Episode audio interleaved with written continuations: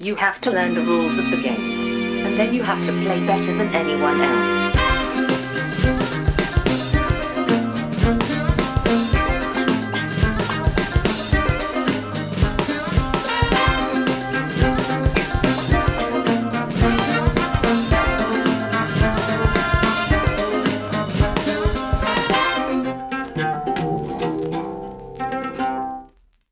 Hej och välkommen till Vems tur är det? Första intrycket. Podcasten där jag, Brisse, tillsammans med två till fyra mina vänner spelar ett spel för första gången och säger vårt första intryck av det spelet. Idag har jag bara med mig Johan. Ja, jag är två av Ja. dina vänner idag tydligen. Eller fyra.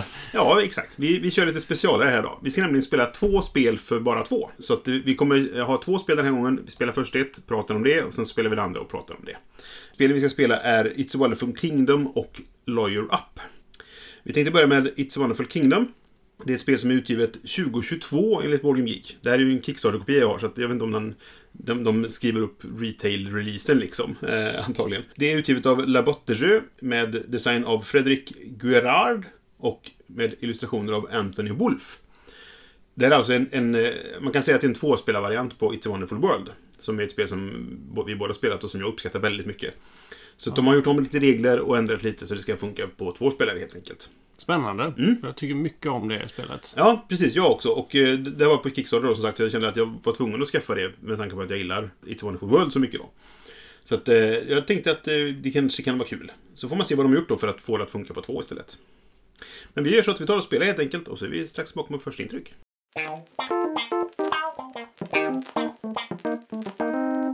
Så där, nu har vi spelat It's a Wonderful Kingdom. Johan vann 49 mot 42. Hurra! Ja, hurra. hurra för Johan. Eh, kortfattat hur spelet går till. Har man spelat It's a Wonderful World så kommer man känna igen sig ganska tydligt. Det är samma typ av, av eh, liksom ikonografi och, och resursproduktion om man säger så. Det som skiljer sig är det ju hur man får korten. För det är ju drafting då i, i World och det är eh, annorlunda drafting i Kingdom kan man säga. Man har varsin sida helt enkelt. Det finns fyra resurser i- spelet. De, är, de betyder någonting, men de är grå, lila, gul och blå. Och de produceras i den ordningen varje runda. Det finns moduler i spelet där vi valde att spela med Basic, det som står som förslag i, i första spelet. Och då har du männeskort. Du hade Frost Giants, Johan, och jag hade Giant Rats. Och så blandar man hela leken och sen drar man helt enkelt sju kort per spelare och så lägger man till ett, ett av sina männeskort. Då, så att det är alltid ett männeskort per sida med i varje runda. Då. Man kommer spela fyra runder också. Sen lägger man upp två stycken offerings. Eh, på varsin sida om brädet så finns det ett kort då som man drar bara från toppen av leken. Och sen börjar då startspelen, som i det här fallet var jag, att spela två kort från handen på någon av sidorna. Du kan spela båda korten på ena sidan eller ett kort på varje sida. Och sen får motståndaren då välja en av de här offerings, alltså sidorna helt enkelt som de tar. Då tar de alla kort på den här sidan, även ifall det är dåliga kort eller så vidare. Va? När du spelar ut korten så kan du även använda, du har två stycken trap tokens, då kan du vända på en sån för att få spela ett kort dolt. Och det är så man kanske kan smyga in de här männenskorten då. Eller ska man bluffa och låtsas att man spelar sitt männeskort, och så gör man inte det egentligen. Och sen så när man, när motståndaren har valt, då spelar de ut två kort. Och så håller man på så tills alla korten på handen är slut då. Så det, i slutet kommer det vara en offering kvar som, som man slänger då, helt enkelt. Den kan vara tom också. Och man kan faktiskt spela så att en offering är tom. Och då kan man välja att ta den för att slippa ta någonting dåligt kanske då. Men då får du heller inga kort då. När man är klar med det så har man helt enkelt en hög med kort som man fått den här rundan. Då får man välja om man vill behålla dem. Då lägger du dem framför dig. Då kommer du vilja bygga dem. Eller så slänger du dem för att få då en resurs som står uppe i hörnet så på den då, så att säga. Det är precis som i It's a Wonderful World om man spelat det då. När man valt precis vad man vill göra då helt enkelt. Får du männeskort så kan du inte välja att slänga dem utan du måste lägga dem framför dig. Frost Giants i det här fallet funkar så att man lägger dem under ett annat kort. Och sen kräver de ett visst antal soldater som är en extra resurs kan man väl säga då eh, För att ta bort den. Eller för att få bygga klart den, den byggnaden så måste man eh, slå ihjäl Frost Giant också. Ja, den lägger till en soldatkostnad på Ja, ett men kort för att bygga färdigt det. Exakt. Som på fyra soldater, vilket är ganska mycket. Det är mycket. Liksom. Och eh, råttorna gör helt enkelt att när du får en Giant Rat, som är de, de som man har i, i hand, på handen då och kan få ut i spel, eh, då får du en Vermin som är en liten råtta som du, eh, för varje Giant Rat du har. Så har du lyckats samla på dig flera stycken så blir det snabbt många Vermin liksom. Och de här är bara värda minuspoäng då. Inget, de har ingen annan effekt på spelet under spelets gång.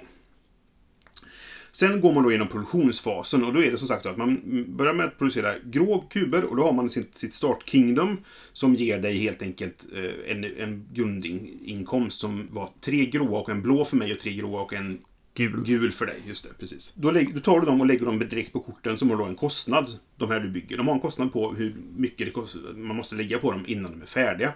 Men så fort ett kort är färdigt så läggs det in i ditt Kingdom och kan samma runda. Så att har inte den produktionen hänt än så kommer den kunna hända i samma runda som du bygger klart huset. Det är precis också som i, i It's a Wonderful World. Ja, och man kan ju använda de här korten som man slänger från början till att få igång sitt första gråa innan den gråa produktionen Ja, sker. precis, exakt. För de, de, så fort ett kort är färdigt, även om det är under din planeringsfas då, så att säga, så, så kommer du, eh, de läggas in i produktionskedjan, om man säger så. Och sen har man gått igenom produktionen då, eh, för varje steg. Den som producerar mest i varje får en soldat, för att den producerar mest. Man har supremacy, heter det. Och sen så börjar en ny runda. Och så gör man det fyra gånger och sen är det den som har mest poäng som vinner. Poäng får man framförallt då genom att du, du har tryckta poäng på korten. Det finns en del kort som ger att du får poäng per varje av an, annan typ av kort. Alltså en annan färg på kort. Så att du kan ha ett lila kort till exempel som ger dig poäng för varje gult kort du har.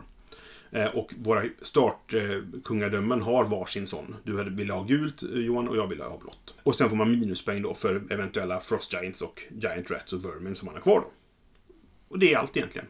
Ganska simpelt. Det tog en timme att spela. Vad, vad är ditt första intryck? Jag, jag känner mig eh, lite... Jag vet inte, nu är vi snart eh, lackar mot eh, jul och... Ja, eh, vi inspelar en stund så det börjar det snart bli jul. Ja. Eh, Och eh, det är extremt mycket på eh, mitt jobb, så jag känner mig hjärndöd i början av det här spelet. Jag hade ja. glömt av... Jag har ändå spelat ganska mycket It's a wonderful world. Och, och efter min första av fyra runder så tänkte jag Just det ja. Nu sitter jag här utan någon produktion. Hur tänkte jag nu Det, egentligen? var, ja, det var det du sa också. Ja. Nu ska jag tänka som man ska göra i It's a Wonderful World. Ja, det och det gick det mycket, mycket bättre sen. De andra tre rundorna. När Precis. jag fattade det. Jag tycker mycket bättre om den här typen av drafting än den här Okej. Mm. traditionella. För det fanns liksom... Jag kommenterade om det, att det kändes lite som poker ibland. När man, Ja. Det blir lite- push och lack när det ligger liksom två eller kanske tre dolda kort på en, ett Ja. ställe. Man undrar vem har dubbel, trippel precis. eller metabluffat? Nej, men precis, för det, det var det som hände vid några tillfällen. Att, för du la ett kort dolt. Jag tror du la två dolda kort, men ett på varje sida liksom. Mm. Och då var jag så här, okej, är det där nu din, din, din Frost Giant som ligger själv där? Eller är det ett kort som du vill att jag ska tro är en Frost Giant, fast det är det kortet du egentligen vill ha? En sorts dubbelbluff då liksom. Och så valde jag att inte ta den. Och så la jag, jag tror inte jag la dit någonting den rundan. Och så tog du den inte nästa runda, eller tänkte nu är det nog en Frost Giant. Så min nästa offering var att jag la två, båda mina kort på den sidan. Och sa, vill du ha de här korten, då får du ta din egen Frost Giant också. Och det, det tyckte jag var jättekul, att man kunde spela på det sättet liksom. Du har ju bara två bluffar, eller två dolda kort egentligen per runda. Men man kunde använda det till att göra ganska mycket roliga saker med. Ja, och i ett spel, för dig som har spelat eh, It's a wonderful world, så är ju det ett, vad är det, fyra spelare som Ja, fyra eller fem tror jag man kan. Ja, Ja. och- det är ju ett liksom eh, multiplayer solitaire så Ja. det sjunger om det. Ja. Det blir det ju inte här. Det Nej. kändes verkligen som vi satt och duellerade och det var väldigt... Visst, jag bygger min motor, men min motor bygger jag för att jag behöver klå ihjäl alla de här råttorna som kommer från dig och mina egna Frost Giants som Ja. jag blir tvungen att ta för att du lägger för bra kort för att jag Ja, inte ska ta precis. dem. Ja. Nej, nej, men exakt. Och, och jag känner också att interaktionen i World är ju väldigt mycket hate drafting egentligen. Ja. Jag tar det jag ser att du vill ha. Här kan jag ju till och med använda det jag ser att du vill ha mot dig, som du säger då. Alltså, att Vill du ha detta, då får du ta det dåliga kortet också. Liksom. Och det tyckte jag var mycket roligare interaktion. Jag håller med dig verkligen om det. Att det var en mycket roligare typ av, av drafting. Liksom. Det blev ju så, sista rundan så hade jag lagt ut min Frost Giant dolt Mm. och sen liksom eh, baita dig med, för jag visste att du saknade grå produktion, så bara Ja. här kan du ta om du vill ha. Precis, ja. och det blir roligt, alltså det är jätte, Mm. ett ro- jätteroligt interaktivt sätt att spela utan att det blir för hate drafting är så det här att välja, att välja att skicka vidare ett kort som är skräp för dig. Eller Ja. välja att ta ett kort som är bra för dig, fast jag egentligen inte behöver. Nej, precis. Utan som jag bara slänger.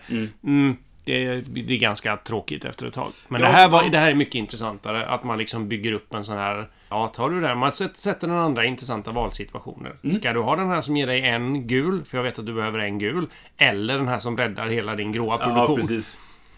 Jättespännande. Ja, och man kan väl tänka då att i och med att det är ett duellspel, det är för två spelare, det är gjort för att vara det. Då, då blir ju automatiskt interaktionen att man är emot den andra spelaren. Men det finns ju sådana typer av spel där det fortfarande inte är så att jag påverkar dig så mycket det är väldigt mycket påverkan här, för jag lägger ut precis vad vill du ha hela tiden, eller vad vill du inte ha? Och jag ställer dig, dig inför ett val.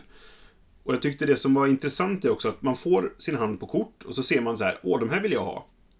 Men jag har svårt att styra om jag får dem. För lägger jag ut dem så kan du ta dem.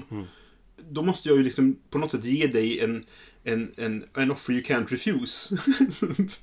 på de andra korten. Så att jag, du, du lämnar det där kortet jag vill ha till mig själv. Och det tyckte jag också var jättespännande, hur man behöver tänka där. Ja, liksom. ja, ja, visst.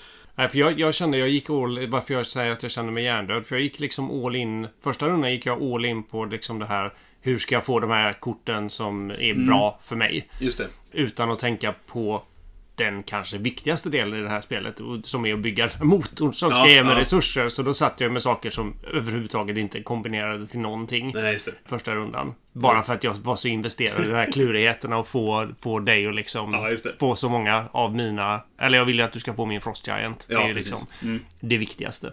Och det lyckades jag med. Men Ja. på bekostnad av att jag då inte fick någon egen produktion för att jag var så investerad i att få iväg den till dig. Det. Så, det, men det krävs ju inte mer att vi spelar det här en gång till så är man uppe. Det är ju ett otroligt intuitivt spel Ja. Mm. att spela. Det är inte några, det är inte komplicerat någonstans. Nej, det är det verkligen inte. Det är, det är väldigt få regler egentligen. Alltså, det är nästan så att vi har dragit alla regler. Nej, men det, det, det som vi kanske saknat i regelgenomgången, är- eller förklaringen nu då, det är väl typ hur de här människokorten funkar exakt. Så, men vi så, egentligen har vi berättat allt. Det enda vi inte sagt är hur man får de här röda kuberna. Men det är precis som i It's a Wonderful World de har gjort det då. Att får du kuber som du inte kan placera ut någonstans, du lägger som på ditt kungadöme. Och får du fem där, då får du en röd kub. Ja. Och så Och- finns det även som belöning på andra kort. Ja, och röda kuber är antingen en joker eller en special som du Ja, behöver som behövs för på vissa kort, ja. svåra grejer. Ja. Eh, och så är det som vanligt att om du, om du bygger färdigt någonting så dels så sätter du igång din produktion men du kan också få någon bonusgrej. Och Ja, här, det. här var ju hårdvalutan soldater Ja. helt klart för att Ja. du måste banka ihjäl liksom skräpet du har samlat på dig för att få vettiga kort. Så väldigt liksom... Och jag tror vi hade kunnat få ner det liksom nu när vi har farten uppe 45 minuter. Ja, det tror jag absolut. Verkligen. Undrar vad det står för, för speltid på... Ja, 45 till 60 minuter. Så det, det, det, det kan nog stämma faktiskt. Ja. Jo, för det tog en timme nu, men då var det ju också lite regelkoll och sådär. Liksom. Ja. Men det, det, det är inte mycket regler, utan det, det är simpelt att lära sig egentligen. Ja, det enda vi kollade upp var ju egentligen får man... Får man lämna en hög blank? Ja, och precis. får man i så fall välja den blanka högen? Ja, Och det får man. och det, det blev en grej också av det på slutet. För sista rundan så försökte jag på någon sorts dubbelbluff genom att spela två dolda kort som inte var min råtta. Det, det ledde i och för sig till att du tog ett kort som jag... Nej, det gjorde du inte. Du tog det kortet jag inte vill ha. Mm. Och du lämnade det som jag faktiskt ville ha. Men det var ju bara slump egentligen vad som avgjorde det. Men så hade jag ju min råtta kvar till sista draget. Jag visste att du skulle ta sista draget, så då, då la jag ju den med där alla korten låg. Så du får välja på ingenting eller fyra kort, men inklusive en råtta. Mm. Och du valde råttan. Eh, och det gick ju hem ändå, för nu, nu vann du ändå. Liksom så här. Men jag tycker att göra de valen, att ställa sin motståndare i den här typen av spel inför det, det valet. Jag tvingar dig att göra ett svårt val kanske. Det tycker jag är jättekul. Ja, ja. Verkligen behållning med det här spelet. Och också att man kommer undan det här... man- Svårt att jämföra det här med andra grejer kanske, men om jag tänker på andra små enkla duellspel som inte tar en timme att spela utan kanske 10 minuter som Mintworks eller något sånt där. Mm. Men då är det väldigt mycket du sitter och bygger din egen maskin med väldigt lite interaktion med Ja. den andra. Det är ett jättekul spel, men här får du den här. Det, de fick till en bra liksom duellkänsla. Mm. Ja, det tycker jag också. Absolut. Jag, jag insåg att när vi spelade att, att eh, jag missade att, att skaffa grå produktion. Och det var nog det som låg mig i fatet hela spelet egentligen. Sen satsade jag också ganska... Eller det var ju- svårt att veta om. Jag försökte se till att inte få några minuspoäng, vilket jag inte fick i slutet heller. Det räckte inte hela vägen för du hade lyckats... Att jag inte tog dem var väl på bekostnad att jag inte fick vissa andra saker helt enkelt. Men jag lyckades med det här man vill lyckas med i, i World då, eller och här också. Att jag har inget kvar att bygga. Allt är byggt. Och jag har bara en resurs kvar. Jag hade en röd kub kvar som jag kan lägga någonstans. Liksom. Då, det, den känslan gillar jag i World. Att man får säga, nu har jag fått klart det här. Liksom. Och jag lyckades med det som jag alltid lyckas med i både World och detta uppenbarligen. Att jag saknar exakt en, En kub, kub, ja. för att få den sista grejen byggd. Ja, men det är lite lustigt faktiskt att det blir så. Men nej, jag, jag gillade verkligen detta. Båda spelen kan fortfarande ha en plats, om man säger så. Men jag, och det är så också, det här är bara för två. Vilket gör att det kan bli svårt att spela. Eller det går inte att spela på fler, vilket gör att det kanske inte kommer till bordet lika ofta, för att vi är oftast fler när vi spelar. Men, men eh, jag tycker båda två kan ha en plats i, samlingen av den anledningen liksom. Men är det, är det du och typ din sambo Mm. eller något sånt där som spelar, du som lyssnar, om du har någon sån? Eller du och din kompis som alltid spelar? Ja, men precis. Kanonspel! Ja, ja, men Alltså, verkligen. Ja, vi, vi har ju sagt vad det betyder egentligen. Det är Ja. en klar tumme upp för mig. Ja, oerhört tydlig tumme upp Ja. för mig. Jag, nästan så att, alltså...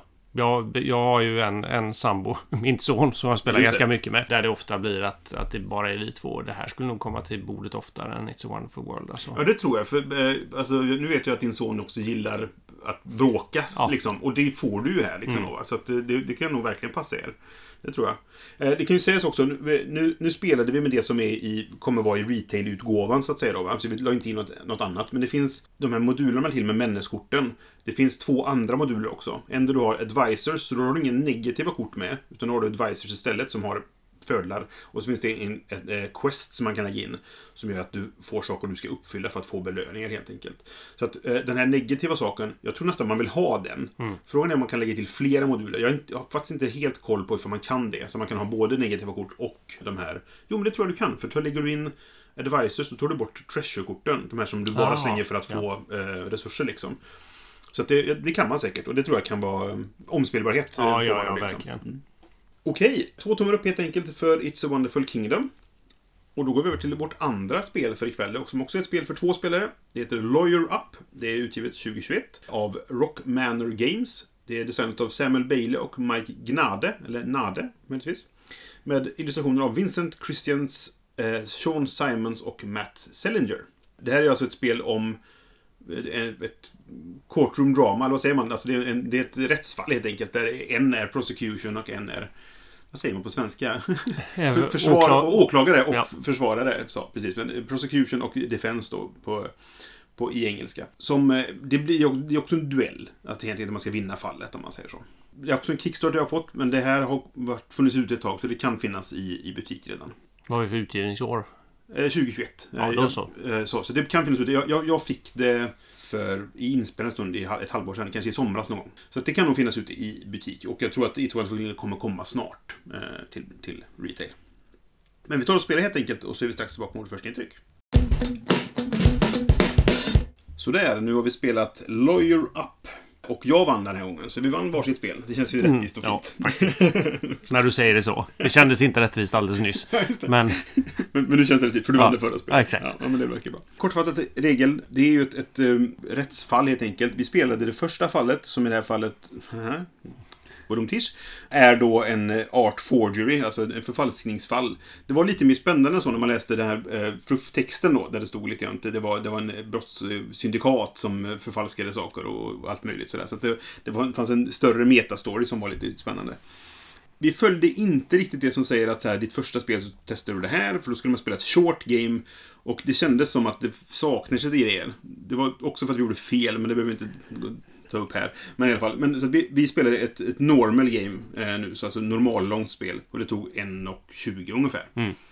Och hade då två tredjedelar av korten kan man säga, istället för bara en tredjedel som hade varit eh, om vi kört basic då.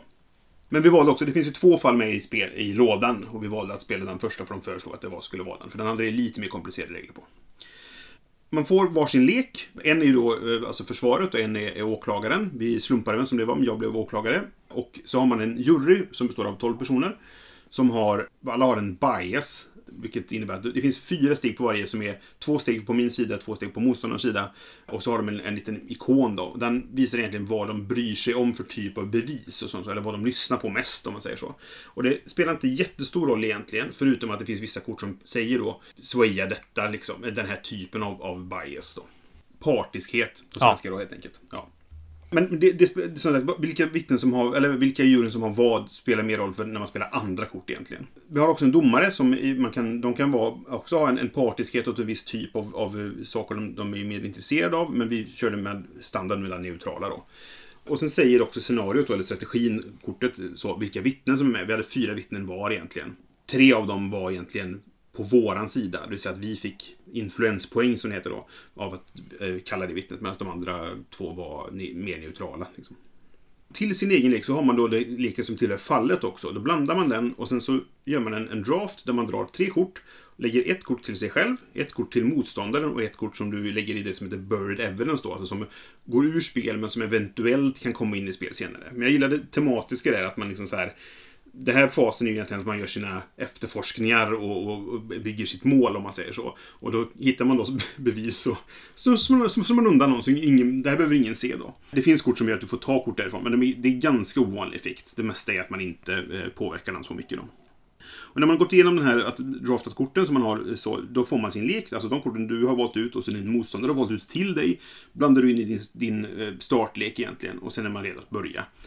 Prosecution börjar alltid och då kallar man ett vittne helt enkelt, lägger fram det och vittnena har då helt enkelt dels en, en effekt som händer när de blir called, eh, alltså när man tar fram dem till, till eh, vittnesbåset. Och då har det, kan det ha en effekt som, som kan vara allt möjligt egentligen. En kraftfull effekt är till exempel att du får sway a bias, att du får flytta en av de här par, eh, juryn då helt enkelt. Så kan man säga en kraftfull effekt så liksom.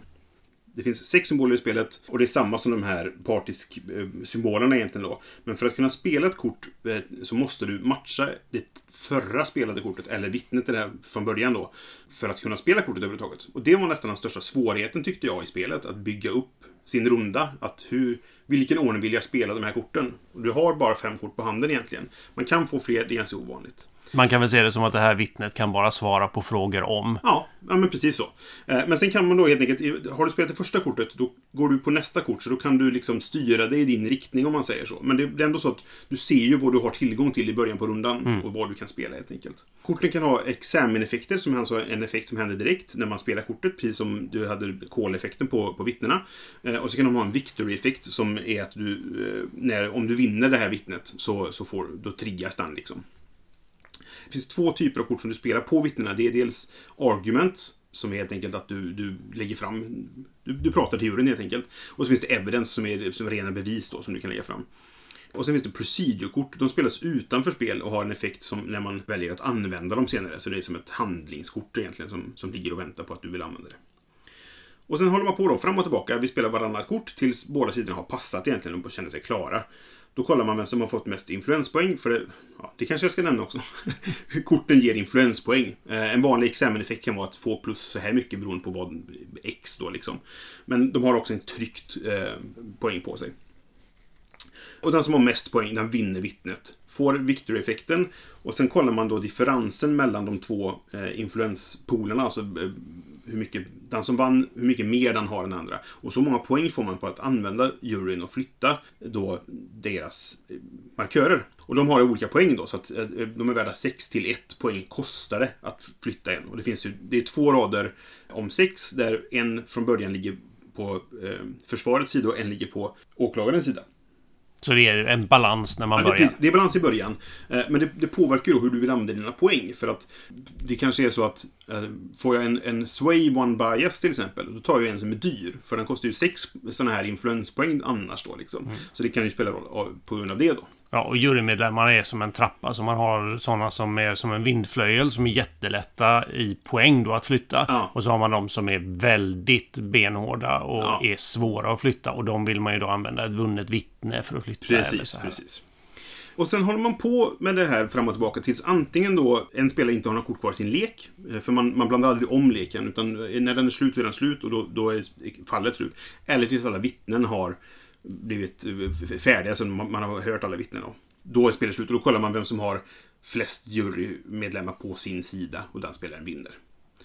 Vill man spela de andra case då kan det vara lite mer effekter, men vi behöver inte gå in på det här nu egentligen. Men det kan det blir lite mer komplicerat egentligen. Så vi spelade basic-varianten för att få det, ja, grundspelet om man säger så. Ja, och varje, varje case av de här två som man får. Mm. eh, Det första caset här i alla fall har fyra varianter man kan spela. Ja, antingen eh, kort eller längre eller långt. Ja, precis. Och skillnaden på de här är att i den korta varianten då, då så att använder man bara ungefär en tredjedel av leken. Mm. Medan eh, de andra normalspelen då använder man en tredjedel till, men det är två olika tredjedelar. Och de har lite med olika saker. Den ena har mer med smugglings och eh, grejerna som de håller på med i det här syndikatet då, medan den andra håller på med, med förfalskaren. Och det är det vi gjorde spelar nu då. Och i den sista, den långa spelet, då har man med alla korten. Så det blir det betydligt mer som händer om man säger så.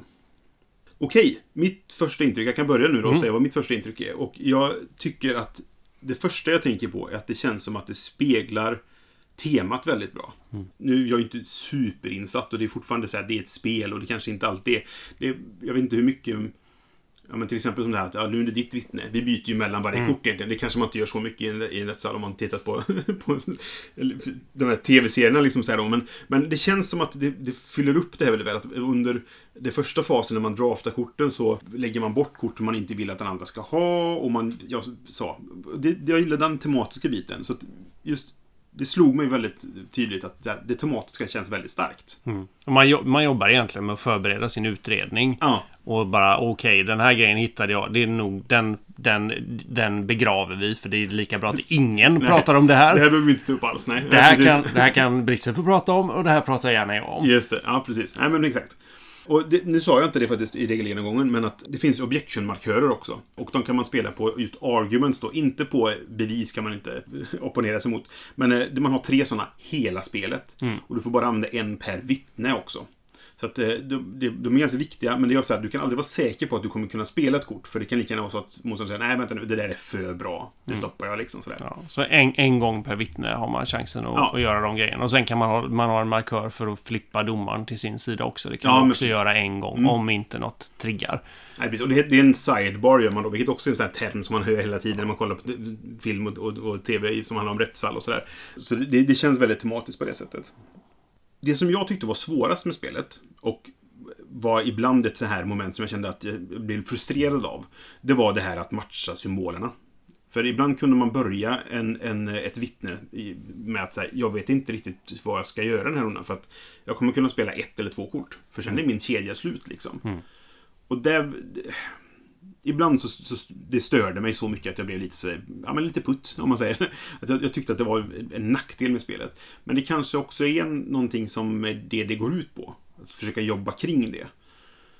Men jag tror inte det finns så mycket saker du kan jobba, göra för att jobba kring det. Alltså du kan, du kan använda din sidebar, för då får du eh, vända på domaren och dra ett kort. Men sen är det lite grann slut på det. Har du inte några examen-effekter som gör att du kan dra mer kort eller blanda eller titta eller vad det nu kan vara liksom. Då är det inte så mycket mer att göra sen. Hur kände du? Jag, jag, känner, jag känner så här. För det första kan man ju fråga sig vilken, vilken vikt har det här på Board Game Geek? Oj, jättespännande fråga. Det ska vi kolla såklart. 2,68. Så att man är runt medel någonstans. Tycker jag. Ja. För jag tycker att det här spelet... Om, man, om, vi börjar med ehm, hur väl eh, förklarar regelboken hur man spelar det här spelet. Mm. Inte alls, det förklarar reglerna. Ja. För jag känner nu efteråt att det här är ett spel som börjar så fort du får upp fallet och vittnena så måste man börja planera redan där. Mm. Ja. Draftingen är superviktig. Mm. Du behöver ha koll på vad det finns liksom i... Och kanske därför det här inte riktigt lämpar sig för ett första intryck. För du behöver ha Mm. ganska bra koll på vad har jag i min grundlek? Vad kan jag förvänta mig Ja, att det. Mm. göra? Nummer två är då utifrån de korten som jag har i min grundlek. Vad vill jag plocka på mig här nu? Kopplat till de vittnena som jag tänker att jag vill vinna. Mm. Så det är väldigt... Jag känner liksom att det är ett väldigt, nu i efterhand, väldigt Mhm. long game som man måste spela. Just det. Där jag får tänka mig när jag draftar kort att det här vittnet har jag ingen chans att ta. Och det kan vara ett av mina vittnen till och med. Ja, du best- kan bestämma det redan Jag kan bestämma det från Ja. Mm. början. Den, den, får, den får Brisse ta, det vittnet. Så det blir väldigt mycket så planerande. Sen handlar det då om att när du drar dina fem kort Mm. så under rundan som du spelar så har du chans att spela alla dina fem kort. Kanske få något extra kort för att du drar. Eh, och så har du liksom bränt ut ett perfect case för att kanske liksom maximera poäng eller något sånt där. Men då sitter du, går du in i nästa runda blank med väldigt liten chans att liksom...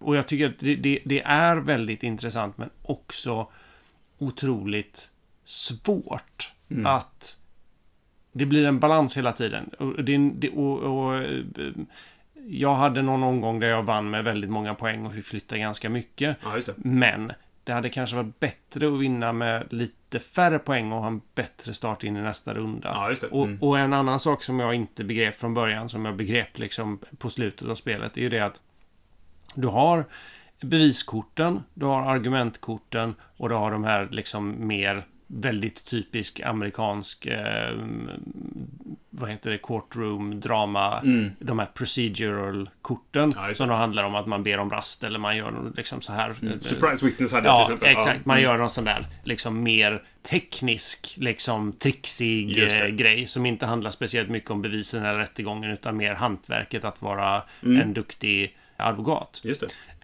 Och där är det ju också så att procedure-korten kan göra att du drar kort eller händer någonting speciellt. Du kan hämta kort ur buried Mhm. evidence. Så, här. så du måste också i varje sån här femhand du har planera så att du får en balans. Så att du inte bara sitter med argumentkort eh, som Just då det. kan bli blockade. Eller du bara sitter med... Och, och sen också den här matchningen som du var inne på mot vad vittnet kan prata om. Mm. Det behöver också med i huvudet. Så det är väldigt... Det här det är ett spel som du behöver fatta hur du funkar. Det. Och det gick väldigt trögt för oss i början. Ja, det gjorde. Mm. För att liksom komma igång och ens begripa och vad får, när får jag poäng och när får jag inte poäng. Och det, allt det där, när får jag poäng och inte poäng, väl beskrivet i reglerna.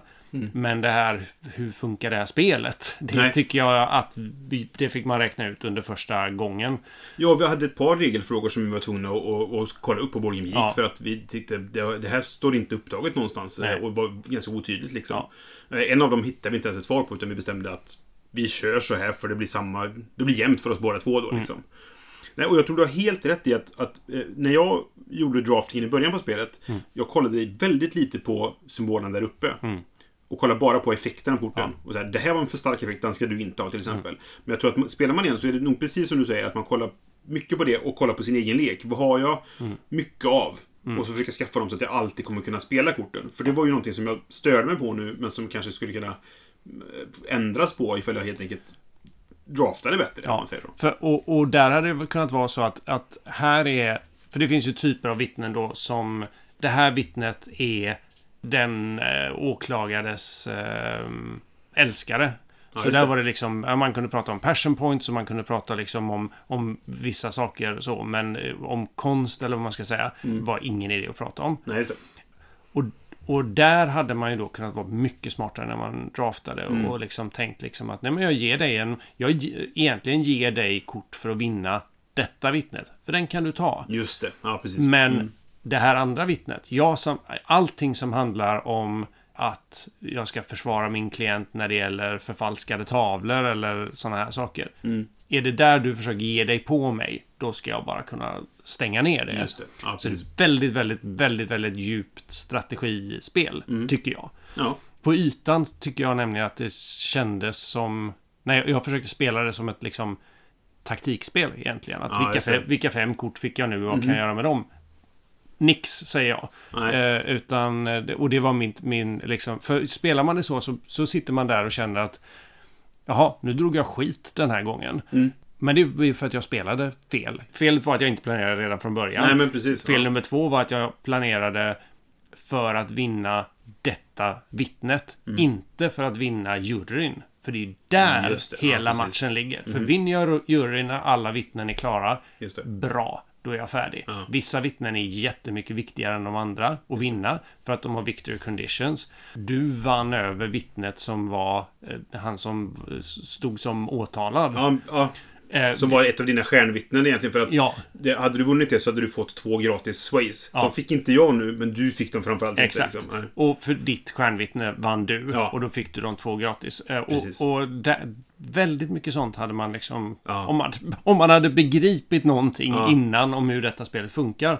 Så hade man kunnat planera mycket mer. Så, så att... Eh, om ger du dig på det här spelet som lyssnare. Mm. Sitt ner och fundera på hur funkar det här spelet först. Eh, och kanske kör en, två testrunder bara. Mm. Eh, eller kör igenom det enklaste bara så att du begriper det här. För när man sen börjar blanda in de här mer djupa grejerna. Det blir otroligt strategiskt. Ja, just det. Ja, det, det där är jättebra observation faktiskt. För det, det, var, det, det löser ju egentligen det jag kände att jag störde mig på. Mm. Om man har gjort det från början liksom. Och det, det, det gjorde vi ju inte nu för vi hade, det är första gången vi spelade som Ja. sagt. Och det, det är vårt första intryck. Så jag tror du har helt rätt att det här är ett spel som man skulle vilja ge ett, ett andra intryck på egentligen. Fallen är ju omspelbara för det finns liksom ingen dold information egentligen. Utan det handlar bara om Alltså hur man hanterar fallet om man säger så. Eller hur du, det, det är lustigt egentligen, för jag tycker ju att det känns väldigt tematiskt. Men själva spelandet och korten är väldigt otematiskt. Ja. Alltså, jag känner ju inte någon koppling där. Det finns flavortext på alla korten. Man skulle kunna säkert grotta ner sig i det om man vill. Men det, det, nu tror jag vi har känt att vi hade lite ont om tid också. För att det börjar bli sent och vi ville hinna spela in det här avsnittet helt enkelt. Men det, det kändes inte som att jag fick något tematiskt av det.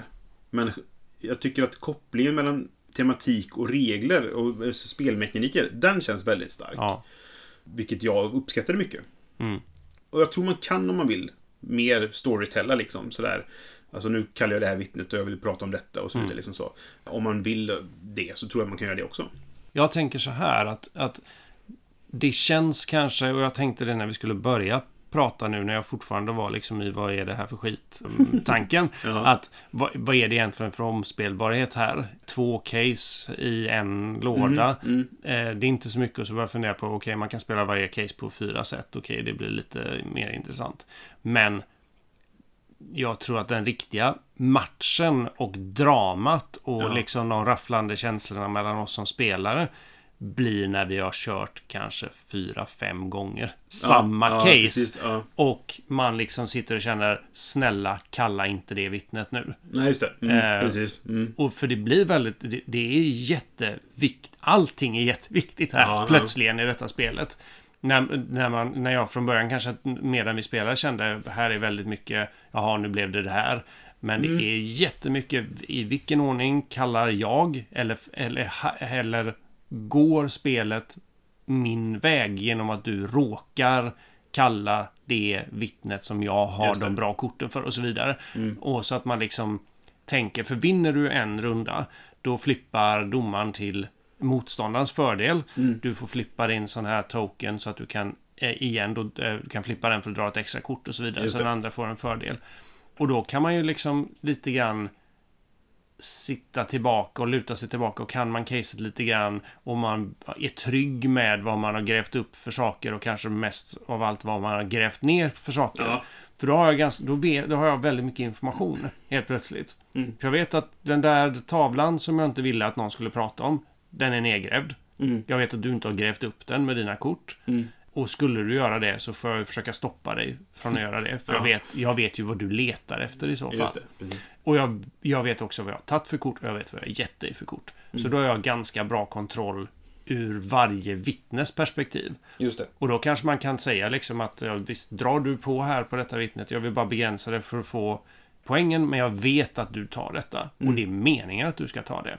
För det här är inte ett spel som man kan spela, vi hade nu åtta vittnen. Det finns ingen rimlighet att tro i att du tar alla åtta vittnena. Nej. Då får ju motståndaren spela fruktansvärt dåligt. Ja, men visst. Absolut. Inte att jag spelar bra, utan du måste spela aktivt uruselt om, Ja. om det ska hända. Ja. Så, så det, här, det handlar ju liksom om vilka vittnen är mina?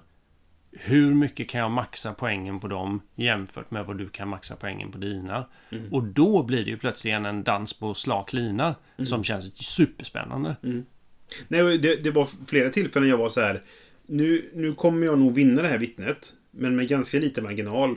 Och egentligen kanske jag inte vill det. För jag får inte så mycket ut av det. Och sen kommer du få välja nästa vittne också. Mm. Eftersom det är den som, som förlorade det förra vittnet som, som väljer nästa liksom. Mm. Och ibland var det nästan värre. Ja. Än vad, alltså, det, var, det var ett straff mer än vad belöningen var för ett, som jag fick för att vinna vittnet liksom. Mm. För det blir ju också, man hamnar i ett läge då, eftersom du drar dina fem kort, eller drar upp till fem kort. Ja, precis. Du, du sparar det som du känner att nu, nu börjar jag hamna i läge kanske för att Mm. kalla mitt huvudvittne. Men du kan också slänga alla korten ifall du Ja, vill. liksom. precis. Ja. Eh, om jag känner det här är skräp vilket vittne som helst. Ja. För det, det är ju väldigt mycket det här du behöver, utifrån de här se- sex symbolerna så blir det liksom olika vägval där du måste fortsätta en line of questioning kan man väl Mhm. säga. Börjar Mm. du prata om tavlorna så smalnar du snabbt av möjligheten att prata om andra grejer sen. Just det. Om du inte har något specialkort som öppnar upp för nya saker.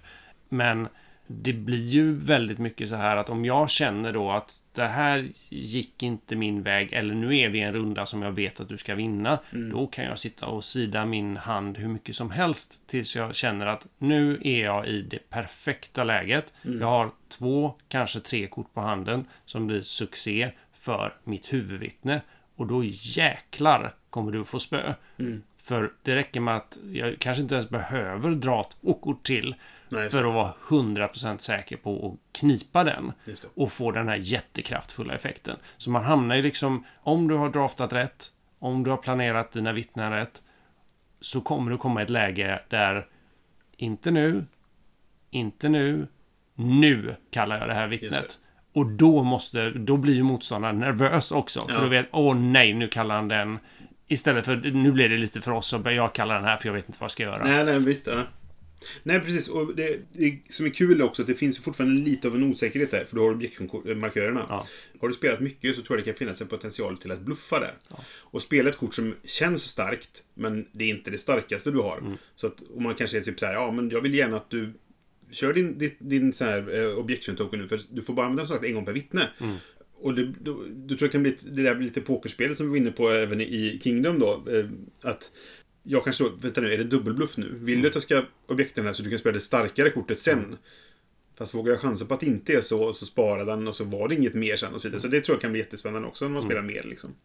Och också det här om man spelar... Hur många vittnen är det på den längsta varianten om du spelar med hela leken? Då är det fem på varje sida. Ja. Då är det verkligen the long game. Ja, ja. Då har du, det räcker ju att du vinner sex vittnen. Om du spelar riktigt bra så räcker det att du vinner sex vittnen. Ja. Är, är du, spelar du superbra så räcker det att du vinner fem. Ja, ja.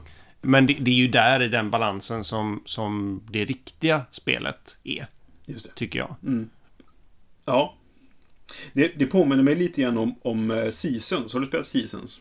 Nej, jag har inte... Jag tror inte vi har spelat det i alla fall en Nej. gång. Så här, att, eh, nej, för det, det, det spel där du... Det är två faser. Du har en draftfas eh, där du skaffar korten. Och sen har du eh, nästa fas där du spelar ut dem. Men du, det är uppdelat på tre ja, säsonger då helt enkelt. Vilket, eller det är tre år för varje säsong. Ja, skitsamma. Det är fyra säsonger på ett år. Men du spelar tre år. Så du bygger upp din plan redan i första steget. Och Seasons, det är så här, Själva genomförandet tar oftast längre tid. Men det är lika mycket av spelet som händer i draften egentligen. Och det känns som att har man spelat några gånger och båda spelarna är, är erfarna av spelet, då är det precis så här också. Att du har, det, det är lika mycket av spelet som avgörs egentligen i draftingfasen, när du bestämmer vilka kort du ska ha. Men det kräver ju då att du kanske har mer koll än vad vi hade nu, för vi satt Ja. och chansade Ja, ganska ja, ja. mycket, Det, liksom. vi lallspelade Ja, väldigt mycket. I, precis. inte, för att, inte för att vi tyckte det var tråkigt eller meningslöst. Nej, utan nej. bara för att vi visste inte bättre. Nej, precis. Och Eh, vi hade ju spelat väldigt annorlunda ja. En andra gång. Jo, men precis. För, för det kände, för nu tog jag draften som att det här är bara något som händer som man gör i början på spelet. Mm. Och det har, spelar naturligtvis roll för att ja, vi är ju dig vissa kort och jag ser till att vissa försvinner ur spel till stor, största delen. Men jag la inte så mycket vikt vid det. Utan det här är något som händer i början. Vi spelar en timme och 17 minuter. Det kanske tog de första 17 minuterna och sen spelar vi en timme resten. Mm. Liksom. Skulle man spela det igen då kanske det skulle ta längre tid att spela. Men vi skulle också lägga kanske en tredjedel av spelet i draftingen. Mm. Eh, Istället för en femtedel som vi kanske var nu då. liksom. Ja, och, och jag tror att själva eh, rättegången hade blivit, alltså eh, förhören hade blivit mycket, mycket rappare. Ja. Där man bara pang, pang, pang, pang, objection, okej, blocka den, ut med det här. Precis. Det här Eh, tänker jag förlora ändå, så jag, ja. jag passar nu. Ja, Okej. och man sitter inte och suger så mycket på Nej. det för att man vet i vilken ordning vill jag få ut mina Mina fem, möjligtvis sex kort. Eller ett. Eller vad man nu... För, för det här vittnet har jag planerat att köra den här gameplanen. Och så länge den håller och jag kan minimera skadan det här vittnet gör för mig. Desto bättre liksom. Ja, och det fanns också flera kort som var så här. Du fick influenspoäng utifrån hur många av en viss bias som hade spelats redan den här rundan. Och det fanns också någon typ så här, ganska många kort som var som triggade om det spelats, om du har fem kort i din eh, spelade den här rundan, då händer det här. Mm. Och de tyckte jag var svåra att få till nu, för att vi hade inte draftat rätt helt Nej. enkelt. Men hade vi gjort det så man hade, då hade man kanske oftare fått till de här fem, fem spelade kort-effekterna liksom. Ja. Så. Så att ja, det skulle nog, ja, jag tror du har helt rätt. Det, det händer nog mycket när man spelat flera gånger liksom. Och, och båda spelarna har mer koll på Och, finns. och jag tror inte... Det, det här ska ju inte få det att låta som, vad hette det här hemska spelet som man skulle spela 30 gånger innan man Ja, lärde just sig det. det. Cry Havoc. Ja, och det ville man ju inte spela ens två gånger, eh, kände jag. Här känner jag inte att det här är någonting där vi blir bra efter 30 gånger, utan jag tror att vi blir astronomiskt mycket bättre om vi skulle sätta oss och spela det igen En gång till. Ja, precis. Ja, det tror jag också. att, eh, och, och jag tycker att det är, det är väldigt synd med det här spelet, för jag tror att hade vi inte suttit ner och resonerat om det nu, så hade jag nog gått iväg med ett helt annat intryck av det. Näm- okej, näm- ja. Nämligen att det här var ett spel med vansinnigt mycket slump. Just det. Och jag hade ingen kontroll över någonting. Nej. Och så kom det vittnen och så gjorde du grejer och så gjorde jag mitt bästa utifrån Mm. vad jag råkade ha på hand. Men det är ju för att jag, då har jag inte begripit vad spelet går ut på. Men det är jättespännande för att det var, du fick ju mig att begripa vad spelet går ut på nu. För att jag hade ju den invändningen. Jag tyckte Mm. så här, det, det här störde mig lite grann. Jag var nog fortfarande hyfsat positiv för jag gillade det tematiska väldigt mycket. Mm. Men dina, ditt argument nu, har ju, jag håller med dig, det, det tar ju bort det. Mm.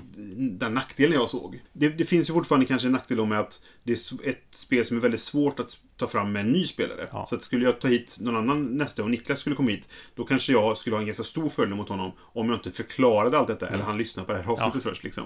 Så där finns väl en nackdel då. Men jag tror att det kan, det har potentialen bli ett spel som Ja, men om, återigen då, eftersom det är ett spel för två. Om det är så att du spelar ofta med din partner eller, har en bästa kompis som du tar, spelar alltid med. Liksom, Då kan det här bli ett, ett, kanske inte ett lifestyle game, men det kan bli ett spel som ni verkligen kör mycket och nöter liksom sådär för att ni, ni hittar liksom hur, hur det faktiskt funkar om man säger så. Ja, och, och det är ju det här omspelbarheten känns jättehög. Mm. Även med samma case. För det spelar ingen roll att man kan caset. Nej, precis. Det blir liksom lite eh, som att titta på någon gammal deckarserie på TV där de förklarar vem mördaren är från början. Det finns Nej, just det. inga spoilers liksom. Vi Nej. vet båda vad det här caset är. Och så som caset presenterades från början så var det ganska tydligt att min klient var dödsskyldig Ja, ja, till. Ja. till detta. Ja. Eh, men det spelar ingen roll. Det mitt jobb är att, att försvara. Ja, och det, det, det tycker jag också det tematiska är kul för att spelar vi igen då kanske det blir så att nästa gång så blir han inte dömd. Nu blir han dömd den här gången, nästa gång kanske han inte blir det. Så kanske det kommer gå fram och tillbaka sådär liksom, om man får ett annat narrativ varje gång man spelar liksom. Ja, Det, det finns sagt två case i, i grundlådan och det finns två till som man kan köpa till. Eh, som inte kostar jättemycket om jag kommer ihåg rätt. För att det, det är liksom bara en liten låda med, med mer kort till det caset egentligen. Ja, tumme upp eller tumme ner? Jag ger detta en, en tumme upp. Jag hade velat djupdyka i detta spelet. Mm. Både för att det var... Jag ska inte säga att det var kul den här gången, men nu efteråt var det kul. Ja, Nej, men för att Ja. jag, jag, hade, jag hade velat ha den här kniven på strupen för handlingen. Det är ju ett duellspel av rang, alltså, men skulle jag säga. Och verkligen liksom hjärnornas kamp. Mm. Och jag skulle verkligen vilja djupdyka i det därför att jag tycker att just det där hur otroligt strategiskt det här spelet är Ja. är ju fantastiskt att få fördjupa sig i. Liksom. Och då är det inte strategiskt så här bygga motor eller sådär. Nej. Utan det, här, det handlar mer om att liksom... Långtidsplanering liksom, Ja, verkligen. ja, och Mm. också verkligen spela mot sin motståndare. Mm. På ett jättespännande sätt som jag inte upplever i alls många spel. Nej. Här är verkligen planera utifrån vem som sitter mitt emot dig på bordet. Och verkligen, vad vill jag ge den här spelaren för fördelar i det här caset så han kan vinna det här vittnet. Mm. Vinna striden men inte hela slaget. Nej, men och försöka jobba på att, att så här, det är okej att du tar den här. Det ingår i min plan att, Ja. så att säga, du får göra det. Men minimera effekten av det. Mm. Du ska vinna den, men inte med för mycket. Så att du får för mycket sådana här poäng att, att flytta med. Då, liksom. ja. Och, och det där blir inte egentligen en min-max-övning. Utan, utan det blir mer så här att, att eh, jag, jag kan ge dig de tek, den tekniska bevisningen. Jag tar hem det på känsla. Därför att jag tror att jag tar det på de här... Eh, och jag ger dig kort. Kanske till och med med intentionen att du ska spela någonting som du känner är väldigt kraftfullt. Så att jag kan överklaga. Just det. Så, och det känns jättedjupt och spännande utan att vara liksom en matteövning eller en, en eh, bluffövning eller sådana här saker som jag... ja, Jag gillar väl matteövningar spel, eh, visserligen, men, men eh, kanske mindre så här bluff eller spela bordet-spel är, är jag inte så bra på. Och tycker inte är så roliga. Men det här är någonting annat. Det här är ett strategispel som är superintressant. Mm. Bo, både tematiskt och spel, som spelupplevelse. En härlig utmaning, tycker Mm. jag. Så jag ger en tumme upp. Ja, coolt. Det, jag gör också tumme upp. Jag, jag, det, det, så här, det blir sällan att jag spelar tvåspelarspel. För jag spelar inte med min partner, för hon är inte så spelintresserad. Vi spelar ibland, men, men eh, jag tror inte det här kanske är ett spel som hon skulle gilla. Framförallt inte den strategiska djupdykningen i det, som vi kanske är inne på, att det är då det blir bäst. Så att frågan är hur mycket jag kommer spela det. Men jag gillade jag tyckte det var kul nu, framför allt för det tematiska. Jag tycker att det känns väldigt starkt att vad det är vi håller på med. Sen som sagt att vissa saker under själva rundan, nu spelar det här kortet och sen det här evidence, det gav mig inte så mycket. Men jag tycker att det är en ganska stor skillnad på, alltså kollar vi på, på It's a Wonderful Kingdom, som har nästan ingen tematisk koppling, kände jag. Och inte mycket strategi heller. Nej, men precis. Det, det bygger lite motor där, alltså, sådär. Men, men eh, jag tyckte att här fanns det en tematisk koppling mellan tematiken eh, och mekanikerna liksom, som jag uppskattade väldigt mycket. Och det gjorde att jag tyckte jag var positiv. Sen har vår diskussion lett till att, även om jag kanske inte kommer spela det så mycket så att jag får det där djupdykandet i det, så uppskattar jag det för att det har det. Och jag skulle vilja göra det egentligen. Så får man se när det blir tillfälle för det liksom.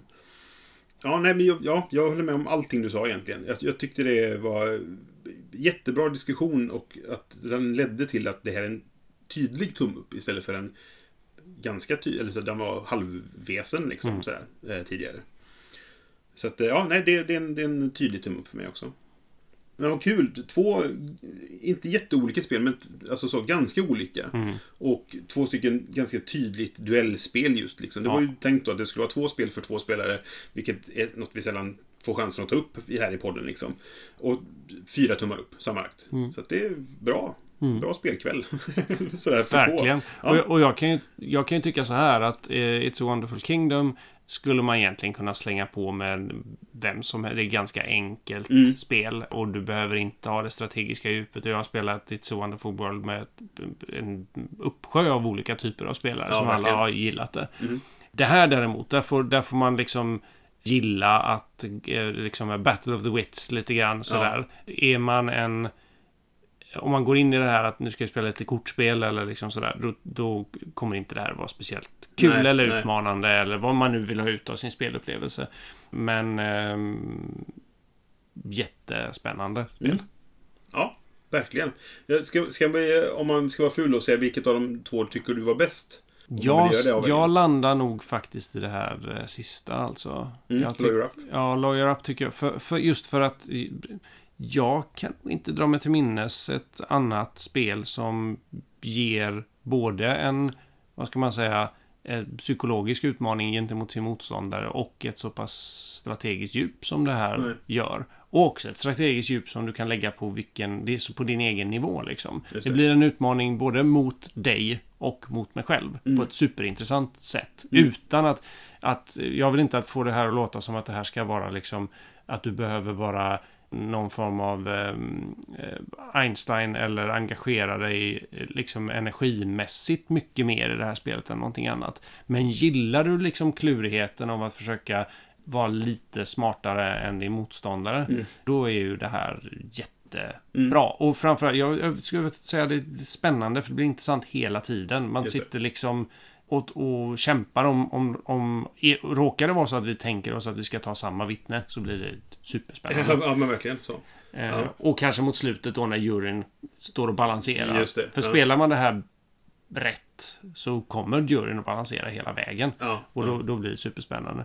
Så jag skulle föredra det. Sen var It's a Wonderful Kingdom väldigt kul. Men Ja. det, för att det är det som koncept, eller vad man ska säga, It's a Wonderful-konceptet är Ja, så himla välputsat liksom. Mm, mm. Jag, jag tror att jag, jag har svårare att välja, eller jag har svårt att välja. För att jag, jag ser nog att It's a Wonderful Kingdom kommer kanske, det har lättare att komma fram och spelas. Mm. Dels är det här då problemet med Lawyer Up med att eh, svårigheten för en ny spelare att spela mot någon som är erfaren då så att säga. Och speltiden är betydligt längre. Speciellt om man börjar spela det seriöst om man säger så nu då. Då kommer det ta ännu längre tid. Känns det som i alla fall. Vilket är att, att Kingdom har nog större chans att komma fram och bli spelat liksom. Men jag undrar om jag inte håller med dig om att jag gillade... Jag gillar speldesignen kanske. Ja, men, alltså, hantverket bakom på något sätt. Mer i Lawyer Up. Sen, jag håller med dig fullständigt om att regelboken behöver de, skulle de behöva putsa på. Det, är- det är mycket luckor som vi fick fylla i liksom. Ja, fra, framförallt så går det inte att begripa vad det är för ett spel. Nej. och det tycker Nej, jag är lite nej. tråkigt. Ja. Jag, men jag tycker liksom li, likheterna med de här, och som jag uppskattar med båda spelen, är att de gör någonting intressant med drafting-mekaniken. Mm. Redan på ytan i It's a Wonderful Kingdom är det någonting annat. Och Ja. det är lite, det är både liksom nästan budgivning och drafting i en och samma mekanik. Mhm. I detta för att det på ytan ser ut som nästan slumpen i hur man draftar, men på djupet är det, det hela spelet Ja, egentligen. ja, visst. Ja. Så jätteintressant att, att draftingen spelar så pass stor roll. Det är inte taktisk drafting, utan det är strategisk drafting. Du draftar inte för nästa runda, utan du draftar för hela spelet. Just det. Ja, nej, Jätteintressant. Lite som Si som sagt, som är ett spel som jag uppskattar väldigt mycket. Och vi borde spela någon gång. Mm. Men som jag ligger på min topp 100-lista och har gjort sen jag skaffade egentligen. Så, så att, eh, ja. Men eh, kul! Fyra tummar upp för de här två spelen. Varsin vinst känns balanserat och fint. Rättvist. Eh, jag tror dock att det här är ett spel som du kommer slå mig. Om vi skulle spela det för många gånger så skulle du bli bättre på detta än vad jag blir. Fast det, jag, det jag, känns som din typ av, av spel liksom. Ja, men jag tror... Jag, jag kan känna ibland med såna här... ehm, vissa av de här mer optimeringsspelen Mm. så ehm, brukar vi säga i den här podden i alla fall att vid ett visst an, efter ett visst antal spel så börjar jag vinna hela tiden. Ja, ja. Det tror jag inte här. Nej, men, kanske. men kanske att det skulle vara en 60-40 balans eller något sånt där. Men jag tror kanske. inte... För, för att det är så mycket här i... Jag tror att det blir som, som eh, Resistance. Att, att ja, det liksom... det kommer gå i vågor. Det kommer att gå i Ja, vågor ja. att nu spelar vi på det här sättet och så, sen så ändrar man sin, sin approach till spelet Just och då det. plötsligen så kommer man bli överrumplad av Nej aha, okej, kan, man spela, kan man spela spelet så här? Ja. Kan man vinna vittnen på det här sättet? Man lägger sig helt och hållet på någon bara för att liksom panga till det på nästa. Ja, just det. Och jag tror att det finns massor med sånt. Ja, ja, ja, men det är nog sant. Ja, kul! Jag har sett fram emot att spela det här länge, men, men mer för det tematiska. Och sen visade det sig att det finns ett, ett väldigt strategiskt spel under det också. Mm. Känns väldigt roligt faktiskt. Och eh, It's a Wonderful Kingdom, som sagt, jag gillar ju It's a Wonderful World väldigt mycket. Så att det känns som att det, det, jag borde gilla det. Eh, så, ja. En, en fråga kring eh, It's a Wonderful Kingdom innan vi avrundar. Mm. I och med att både It's a Wonderful World och detta finns det någon slags Kickstarter-utgåva som innehåller massa, massa godis som gör Ja. spelet mycket, mycket eh, djupare eller varierat. Eh, Går det att få tag på dem? Eller hur? Bra fråga. Jag tror inte det. Jag Nej. tror att det var Kickstarter exklusivt. Jag är inte säker eftersom det inte kommit till butiken. Möjligtvis att det går att beställa från tillverkaren. Mm. Eller går att göra en sån late pledge som man brukar säga då. Det, det kan gå. För jag håller med dig att alltså, i Kingdom så är det ganska mycket mer saker. Och framförallt så eh, man kan ha alltså, en, en karta som man tar över områden på med Mm. soldater. Och där använder du soldaterna till det.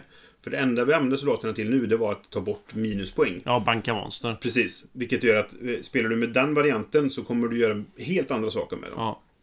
Så jag tror det spelar roll. Och det, det är lite synd att de gör det på det sättet. Men, men det, det blir ju också att, jag kan tänka så här att, att framgången med både It's a Wonderful World och förmodligen med detta också som jag också hoppas blir framgångsrikt. Mm. Är att här är ett spel som är lätt att begripa för att det spelas på samma sätt varje Ja, gång. ja, ja. Det vet jag att liksom att med, eh, min son och han spelar med släktingar och sånt där. Så gillar de spel där man liksom nöter samma sak eh, hela tiden. Och jag tycker att det som öppnar upp... Nu har inte jag spelat så mycket av det som är Kickstarter-lådan till Wonderful World. Det har inte jag gjort alls heller. Jag har bara spelat... För det det- finns ju ja. scenarion och Ja, massa sånt där Mm. spännande. Eh, Men jag känner ju att då blir det ett spel som du kan spela lite grann för idag känner vi att spela det på det här sättet. Och då tappar du kanske det här mass market-värdet av Mhm. spelet. Alltså att det, detta är ett spel som passar för många för att man kan begripa exakt vad det är. Och sen blir det ett spel som blir luddigare i kanterna för att det går att spela på flera olika sätt. Och då tror jag att det är svårare, det är mer svårsålt i butik. Ja, nej, men visst. Det tror jag. Du kan ha en poäng där, absolut. Det ska också tilläggas kanske då att båda de här spelen går att spela själv. Om Mm. man skulle vilja göra det. Och jag blir ganska sugen på att testa båda två själv och se hur det funkar. Liksom, då? Mm. För jag tror inte att det är jättekomplicerat regelmässigt. Frågan är ifall det är så att, det, att eh, faller helt platt. För att du får, du får inte det där kampen. Nej. Liksom så. Eh, om inte ja, det finns en AI då som sköter det väldigt bra. Men jag har svårt att se det. Jag har svårt att- att se det. men jag blir sugen på att testa det för att se hur det faktiskt sköter det liksom, Mm. och hur det funkar. Men okej, vi tackar för den här gången helt enkelt. Och så är vi tillbaka nästa gång med våra första intryck av ett annat spel. Kanske bara ett den gången. Vi får se. Hej då! Hej! Du har lyssnat på Vem studerar det första intrycket? Vi har en Facebook-sida på facebook.com spelradio och en hemsida som heter spelradio.se. Har du tankar, frågor, kommentarer eller förslag så får du jättegärna höra av dig antingen via vår Facebook-sida eller om du vill mejla till brisse.spelradio.se. Vi finns på iTunes och andra poddprogram och numera även på Spotify. Musiken är gjord av Robin Landahl.